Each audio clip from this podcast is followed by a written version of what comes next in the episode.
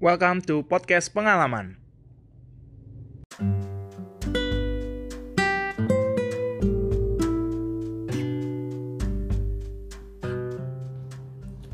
Halo semua, lanjut di episode ke-8 kali ini gue akan coba bahas tentang bersyukur dan keluarga. Oh iya, di podcast kali ini gue akan ngobrol dengan versi monolog, yang berarti gue akan ngobrol sendirian tanpa adanya narasumber lain. Di sini gue akan coba uh, bahas bersyukur dulu kali ya. Belakangan kan kita sering dengar tuh di sosial media ataupun di platform-platform lain gitu kayak ngebahas uh, hidup lu itu uh, kok gak bersyukur banget sih hidup lu itu kayak uh, biasa banget karena lu kurang bersyukur kita belakangan kayak sering ngedengar ucapan-ucapan demikian ataupun cuitan-cuitan demikian di sosial media. Nah di sini gue coba pengen bahas aja based on pengalaman gue sendiri. Uh, kenapa sih kita itu harus bersyukur? Bersyukur di sini yang gue maksud itu adalah ketika kita itu bisa mensyukuri apa yang kita punya dengan tidak membandingkan dengan milik orang lain. Contohnya waktu gue kuliah nih ya waktu gue kuliah itu gue kan ngerantau dari kota Pematang Siantar nih di Sumatera Utara. Gue kuliah di Jakarta. Dulu gue di awal itu ngerasa kayak gue itu anak kos gue itu uh, perantau. Terus gue akan berteman dengan teman-teman gue yang orang Jakarta yang punya uh, rumah di Jakarta yang tinggal bersama keluarganya. Itu ngebuat gue kayak wow hidup mereka itu kayak enak banget ya. Sementara gue itu anak rantau yang jauh dari orang tua yang tinggal di kos yang fasilitasnya biasa-biasa aja dibanding mereka yang mungkin difasilitasi secara lengkap sama orang tuanya. Dulu gue sering mikir mikir kayak gitu. Padahal setelah gue kuliah gue mulai banyak berteman dengan teman-teman gue yang uh, domisilinya di Jakarta. Gue mulai banyak tahu mereka. Mereka cerita ke gue walaupun hidup mereka mungkin dilengkapi secara material ataupun secara fasilitas yang lebih baik dibanding gue yang anak kos ternyata mereka curhat ke gue kalau mereka itu hubungan keluarganya tidak dalam kondisi yang baik mereka curhat ke gue mereka cerita kalau ya orang tuanya ada yang berpisah ada orang tuanya juga yang uh, tinggalnya berjauhan dengan mereka walaupun mereka punya rumah di Jakarta itu ngebuat gue jadi tahu gitu. Sebenarnya yang mereka butuhkan itu bukanlah materi-materi yang udah difasilitasi oleh orang tuanya itu. Sementara yang mereka butuhkan itu adalah kayak kayak anak-anak pada umumnya kayak remaja ataupun orang-orang pada umumnya yang mereka butuhkan itu adalah komunikasi dengan orang tua yang baik, komunikasi uh, dengan lancar, terus kasih sayang dari orang tua itu sendiri. Itu yang mereka butuhkan dan ternyata setelah gue berteman dengan mereka, mereka cerita kalau itulah yang mereka butuhkan dan itu yang tidak mereka terima. Begitu. Di situ gue langsung ngerasa, wow, gue harusnya bersyukur dong. Ketika gue mungkin ngerasa kalau hidup mereka lebih enak dari gue. Padahal sebenarnya yang paling mereka butuhkan itu sendiri, itu ada di dalam diri gue gitu. Contohnya kayak gue, keluarga gue itu sangat uh, harmonis menurut gue dan um, orang tua gue itu peduli banget sama gue walaupun gue jauh di Jakarta mereka di uh, Pematang Siantar tapi uh, perhatian mereka itu gak pernah lepas ke gue gitu walaupun kita jaraknya jauh walaupun gue gak tinggal serumah sama mereka justru itu yang mereka rindukan sebagai uh, anak Jakarta yang ternyata uh, membutuhkan hal yang paling elementer yang harusnya dimiliki oleh semua anak gitu. Jadi kayak gue ngerasa terbuka waktu itu wow ternyata apa yang gue selama ini pikirkan itu membuat gue itu sebenarnya nggak bersyukur. Gue itu terlalu uh, gimana ya terlalu ngelihat ya hal-hal yang berbau materi ya dibanding orang eh, yang ada di diri orang lain dibanding mensyukuri apa yang gue punya gitu. Setelah cerita banyak dengan mereka dan berteman dengan teman-teman gue yang Jakarta gue juga banyak semakin diajari untuk gimana ya diajar untuk ya bener-bener untuk bersyukur sih. Karena belum tentu apa yang mereka punya itu adalah benar-benar yang kita butuhkan. Karena kita gak ada yang tahu ternyata yang mereka butuhkan itu adalah hal-hal kecil seperti kayak perhatian orang tua itu sendiri gitu uh, kalau pengalaman gue sendiri sih dari bersyukur ini bisa dilihat dari gimana ya? Uh, eh, gue punya teman. Dia ini ada adalah seorang anak tunggal. Anak tunggal yang sudah pasti adalah menjadi ujung tombak keluarga gitu. Ibaratnya kayak anak tunggal itu ya harus bener-bener the best lah pokoknya dibanding anak-anak lain. Karena orang tua cuma punya dia seorang gitu untuk yang diandalkan. Dia cerita ke gue ternyata hidup dia tidak seenak tidak sebahagia apa yang kita lihat. Karena kita tahu sendiri kan anak tunggal gimana sih? Kalau anak tunggal itu pasti ya perhatiannya full terus apa yang dia mau ada terus uh, kita lihat dia pasti senang-senang terus sering jalan-jalan sama keluarganya. Tapi ternyata ketika dia cerita ke gue dia ngerasain ataupun uh, rasa sesuatu yang dia tidak punya itu balik lagi ke keluarga itu sendiri gitu ternyata setelah dia cerita dia bilang kalau keluarga dia itu adalah keluarga yang terlalu ngepus lah istilahnya terlalu memaksakan kehendak orang tuanya sendiri ke anaknya itu jadi dia cerita kalau selama dia hidup kurang lebih 21 tahun, dia itu selalu ngikutin kemauan orang tuanya. Dia itu punya bakat di seni, uh, seni musik lah katakan. Tapi orang tuanya pengen dia mau, kamu itu harus jadi ahli accounting yang hebat. Kamu itu harus kuliah akuntansi. Nanti habis akuntansi, nanti kamu S2 ke luar negeri. Terus kamu gak usah main musik lagi. Karena musik itu gak, gak akan menghasilkan buat kamu gitu udah kamu fokus aja main eh fokus aja belajar accounting nanti kamu akan jadi orang sukses terus orang tuanya masukin dia ke kampus kita orang tuanya masukin dia ke lembaga belajar atau apa pun itu yang sebenarnya dia tidak suka. Tapi mau mau tidak mau ya dia harus ngikutin karena gimana pun keputusan orang tuanya yang mutlak dalam hidup dia begitu.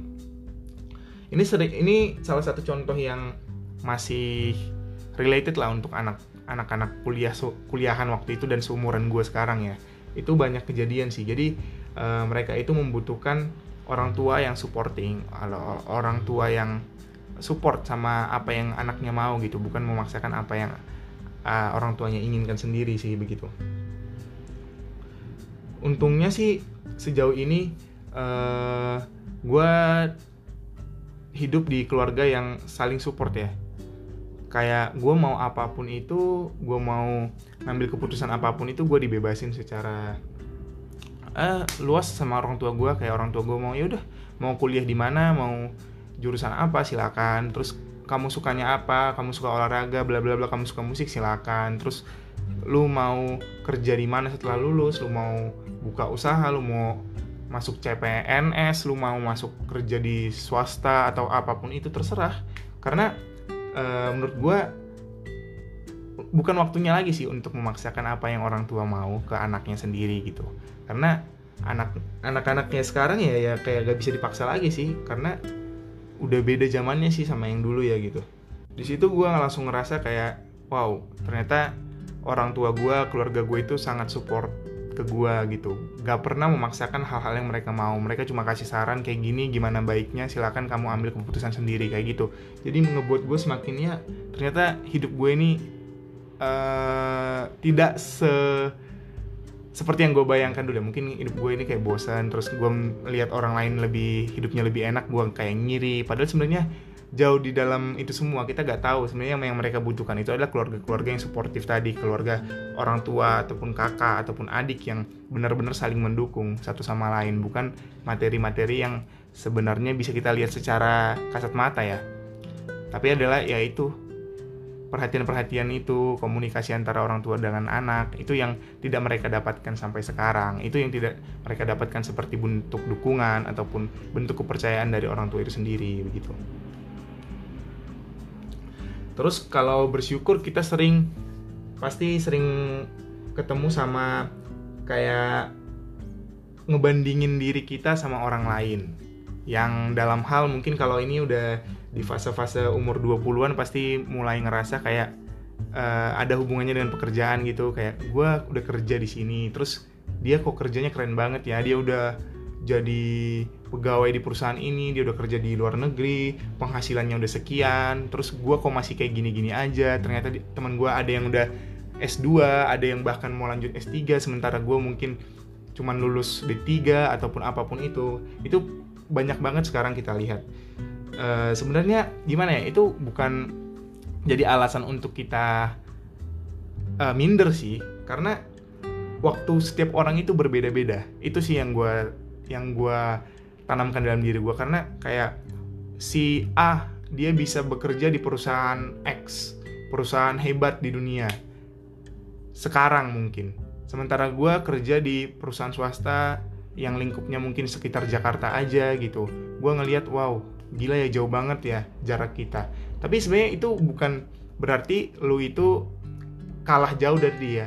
Karena gue mikirnya gini walaupun dia sekarang udah bekerja di perusahaan hebat ataupun po dapatkan posisi yang hebat itulah waktunya dia. Itulah porsi yang dia dapatkan. Karena menurut gue waktu dan porsi orang itu beda-beda. Mungkin aja nanti ketika dua tahun bekerja lu juga bisa mendapatkan posisi yang jauh lebih baik dari sekarang ketika lu mau berusaha ketika lu mau uh, memanfaatkan situasi yang ada gitu lu pinter cari celah lu bisa lompat ke perusahaan-perusahaan lain itu kayak uh, menunjukkan bahwa sebenarnya waktu orang itu beda-beda dan peluang setiap orang itu sama. Jadi mungkin ketika kita ngelihat wah dia gila ya penghasilannya udah 20-30 juta per bulan sementara gue masih di atas UMR sedikit itu sebenarnya bukan alasan buat kita jadi ya jadi kayak ngerasa cemen banget gitu. Padahal sebenarnya enggak gitu.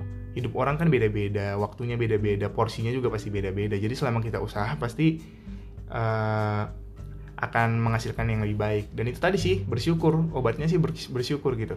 Ketika lo udah ngelihat mungkin si A bekerja di perusahaan yang hebat sementara lu yang biasa-biasa aja itu ngebuat lu harusnya ya bersyukur. Lu punya pekerjaan lu bersyukur. Lu punya penghasilan. Dan bersyukur ini harus dibarengi dengan usaha ya. Ketika kita udah bersyukur ya kita harusnya mau dong meningkatkan kualitas diri kita sendiri. Contohnya kayak kita bekerja lebih giat pinter cari uh, apa cari sesuatu yang baru di luar sana pinter meningkatkan keahlian kita sendiri. Jadi kayak kita punya uh, faktor X yang orang lain tidak punya semakin banyak itu akan mendongkrak kemampuan kita sendiri sih. Itu yang gue uh, gue lihat ya di beberapa pengalaman yang dari teman gue ataupun orang-orang di sekitar gue gitu. Uh, bicara bersyukur bersyukur ini juga bisa ada dua efeknya loh. Efek yang pertama itu bersyukur ke arah yang lebih baik. Contohnya ketika kita udah bersyukur wah gue udah punya pekerjaan ini gue udah punya penghasilan sekian gue bersyukur gue mau uh, sharing ke orang lain gue mau berbagi ke orang lain gue mau ngebantu keluarga gue misalnya kayak gitu. Itu akan ngebuat kita jadi seseorang yang lebih baik lagi gitu. Seseorang yang mau untuk berusaha dan memotivasi kita untuk kayaknya gue tahun depan harus capai target sekian deh. Uh, jadi gue harus nyusun ancang-ancang gue terus gue harus bikin uh, perencanaan gue untuk sampai di posisi yang lebih baik lagi dari hari ke hari gitu. Sementara kalau bersyukur yang efek yang kedua gitu yang efek yang tidak baik itu ada juga. Kayak misalnya gue saat ini tuh belum dapat kerja tapi gue masih difasilitasin orang tua. Orang tua gue mampu. Ya udah gue santai aja gitu. Ya udah gue gak, gak perlu cari-cari kerja santai aja lah. Nanti kalau juga ada ya udah baru kerja gitu. Nah itu ngebuat kita sebenarnya jadi malas jadi buat or orang seperti itu malah buat dia jadi kayak elah santai aja kali. Orang tua gue juga masih mampu gitu. Dia sadar karena orang tuanya masih mampu jadi dia males-malesan. Dia santai-santai di rumah. Dia kayak uh, menikmati masa-masa penganggurannya mungkin kayak gitu. Itu yang membuat uh, seseorang itu jadi tidak baik. Walaupun sebenarnya dasarnya adalah bersyukur ya bersyukur. Gue punya keluarga yang baik gue punya keluarga yang mampu gue punya orang tua dan uh, adik-adik yang selalu selalu mungkin memaklumi gue walaupun gue dalam kondisi yang tidak menghasilkan duit begitulah istilahnya gitu. Itu yang sebenarnya nggak boleh. Jadi kalau kita bersyukur ya harusnya kita bersyukur di poin pertama tadi bersyukur membawa kita ke arah yang lebih baik bukan malah tidak baik gitu itu tadi uh, bahas soal bersyukur ya. Selanjutnya yang di topik keduanya itu adalah keluarga. Kenapa gue kaitin bersyukur dan keluarga? Karena gue tahu bersyukur itu dari keluarga gue uh, mungkin teman-teman juga kayaknya mikir yang masa sih di podcast itu bahas keluarga? gitu. Ya, ya sebenarnya nggak apa-apa juga sih. Jadi gue akan sharing bersyukur seperti apa sih yang gue dapatkan dari keluarga gue gitu gue pertama kali tahu bersyukur itu dari orang tua gue jadi orang tua gue cerita ya kalau kita itu punya sesuatu kita harus berbagi. Kita apa yang kita punya ya paling nggak disyukuri jangan mau bandingin bandingin sama orang lain. Walaupun kenyataannya kayak yang di awal podcast tadi gue waktu kuliah ternyata gue awalnya tidak bersyukur. Ya itu emang sifat manusia sih. Sifat manusia kan tidak pernah puas. Tapi belakangan gue gue mulai mengerti apa yang dimaksud ber, bersyukur waktu orang tua gue cerita dulu gitu. Gue sangat gimana ya sangat menikmati lah hidup di keluarga gue gitu. Keluarga gue itu uh, orang yang orang Batak ya kita orang Batak. Kita tinggal di Pematang Siantar. Ya mungkin hidupnya agak jauh dari kota tapi justru itu yang ngebuat kita tetap kompak ya.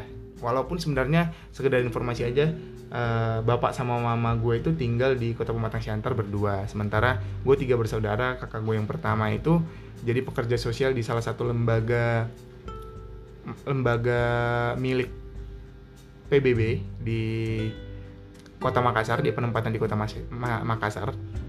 Dia di sana sebagai ya pekerja sosial ya di sana. Dan kakak yang gue yang kedua itu jadi dokter di salah satu rumah sakit di kota Waingapu, Sumba, Nusa Tenggara Timur. Dan gue sendiri kerja di kota Jakarta sebagai pegawai swasta di salah satu perusahaan teknologi startup. Nah ini mungkin teman-teman pada heran ataupun pada gak tahu gitu, kok orang tuanya ditinggalin ya gitu di rumah gitu berdua gitu ya walaupun ada saudara juga sih di sana ya ya itu tadi gue hidup di keluarga yang mungkin orang tua gue ngebebasinnya udah ketika lu udah dewasa lu bebas tentukan pilihan lu. Bahkan kakak gue yang pertama dia waktu begitu lulus kuliah dia langsung cari kerja dan dia dapat kerja sebagai pekerja sosial di Kupang di NTT dan bokap gue ya udah biarin aja. Biarin silakan dia pergi silakan dia cari masa depannya. Silakan kalau emang itu yang dia suka ya udah biarin aja. Biarkan dia memperjuangkan masa depannya. Akhirnya setelah dia tujuh tahun bekerja dan dia jadi orang yang benar-benar peduli tentang sosial peduli tentang anak-anak peduli tentang isu-isu uh, wanita atau apa pun itu tentang perlindungan anak ataupun perlindungan wanita itu yang gue lihat ternyata benar-benar ditekunin oleh dia gitu sampai di tahun ke-8 mungkin dari pekerjaan dia itu dan dia tetap konsisten di posisi itu gitu. Selanjutnya kakak gue yang kedua orang tua gue juga dulu tahu dia mau jadi dokter tapi nggak nggak pernah kebayang mungkin akan bekerja di provinsi Nusa Tenggara Timur yang jauh dari kota ya jauh dari hiruk pikuk kota fasilitas yang baik gitu. Di sana itu kayak air aja susah terus panas kering dan orang tua gue mungkin dulu tidak rela dia ke sana. Tapi ya itu tadi keinginan dia keinginan seorang dokter yang mau untuk melayani masyarakat tertinggal di kota NTT eh, di provinsi NTT ya tepatnya di kota Sumba. Itu yang membuat dia ingin melayani masyarakat di sana. Karena mungkin banyak dokter yang ketika lulus dia mau melayani di kota. Karena di kota mungkin fasilitasnya mendukung. Tapi sebenarnya yang paling dibutuhkan itu orang yang membutuhkan tenaga medis itu ya di daerah di daerah-daerah yang perlu diperhatikan. Seperti di Indonesia bagian timur itu sendiri gitu. Jadi kayak ketika kakak gue mutusin ke sana ternyata orang tua gue keduanya ya mendukung ya udah silakan diambil silakan uh, melayani di sana. Dan ya syukurnya dia betah dan dia sehat-sehat sampai sekarang udah dua tahun melayani di Nusa Tenggara Timur. Dan begitu pun gue ketika gue lulus kuliah orang tua gue gak begitu gak langsung bilang kamu pulang ya ke sini terus lanjutin usaha. Nggak kayak gitu juga uh, bapak gue sama mama gue bebasin ya udah silakan aja. Mau kerja di mana? Mau kerja di bank mau coba apa CPNS terserah. Mau coba pekerjaan apa pun itu terserah. Coba silakan pilih uh, pekerjaan yang kamu suka gitu. Jadi kayak gue coba di salah satu startup gue uh, dan keterima di situ. Orang tua gue cukup senang ya udah silakan lanjutin pekerjaannya nikmati pekerjaannya ya. Gak usah pikirin pikirin banget lah untuk nantinya kayak gimana ya udah silakan nikmati waktu lu kayak gitu sih. Jadi itu yang buat gue semakin wow gila. Gue harusnya bersyukur banget dong. Gue di di dikelilingi orang-orang yang suportif orang-orang yang penuh dengan energi positif yang ngebuat gue semakin semangat melakukan apa pun yang akan gue kerjakan gitu. Jadi kayak gue nggak perlu takut walaupun mereka jauh orang tua gue jauh. Karena sekarang teknologi juga semakin canggih ya kita bebas lah mau video call kapan aja kita mau call kapan aja. Itu sih yang ngebuat gue makin ya ternyata walaupun kita jauh kita tetap saling peduli kita tetap care sama satu sama yang lain gitu. Mungkin keluhannya sih paling kayak kita jarang ketemu ya. Kita gak bisa bercengkrama bareng. Namanya juga jaraknya jauh bayangin tuh. Tiga kita bersaudara kita tiga bersaudara tiga tiganya di pulau yang berbeda. Itu ya itu susah sih untuk ketemu aja susah. Bahkan mungkin setahun itu cuma bisa satu kali gitu sih terus untuk kita yang mungkin kayak gua kalian-kalian yang uh, tinggalnya jauh dari orang tua, ayolah lebih berperbanyak komunikasi dengan keluarga. Mungkin gas gas selamanya harus bisa call gitu. Kita bisa pakai chat WhatsApp atau lain lain grup keluarga gitu. Gue yakin sih semua keluarga pasti punya ya buat uh, kontak-kontakan, buat share-share foto atau apa pun itu, buat share-sharing info gitu. Itu lebih banyak dimanfaatkan sih menurut gue. Kayak kita saling sapa di situ ya, gak harus bahas-bahas hal-hal yang penting-penting banget, tapi lebih bahas yang hal-hal ringan aja. Kayak nanyain lagi ngapain mungkin pekerjaan hari ini gimana. Terus kalau di keluarga gue mungkin karena kita punya anjing di rumah gue sering nanyain kabar anjing gue ke orang tua gue terus nanti nyokap gue videoin dia lagi main di rumah terus dia lagi lari-lari. Kayak gitu ngebuat gue wah gue seneng gitu oh ternyata uh, ada hiburan kecil lah yang ketika gue kangen sama anjing gue nyokap gue bisa videoin gitu. Kayak sekarang zaman udah gampang banget. Terus gitu kalau orang tua gue lagi pergi-pergi lagi nyetir mungkin dia kadang-kadang mau share video share foto dia lagi jalan sama teman-temannya atau sama keluarga-keluarga lain sepupu-sepupu gue gitu. Itu ngebuat kita ya semakin dekat sih satu sama yang lain nggak perlu harus uh, setiap waktu telepon-telepon enggak lagi sih. Karena kan zaman juga udah makin canggih ya ada ya WhatsApp ada lain gitu yang buat kita chatting ya sehari mungkin sehari mungkin beberapa kali juga gak masalah sih kan dan gak terlalu makan waktu banyak gitu. Terus uh, menurut gue kenapa gue suka bahas keluarga ini? Karena gue tahu tempat terbaik salah satu tempat terbaik untuk curhat itu ya keluarga gitu.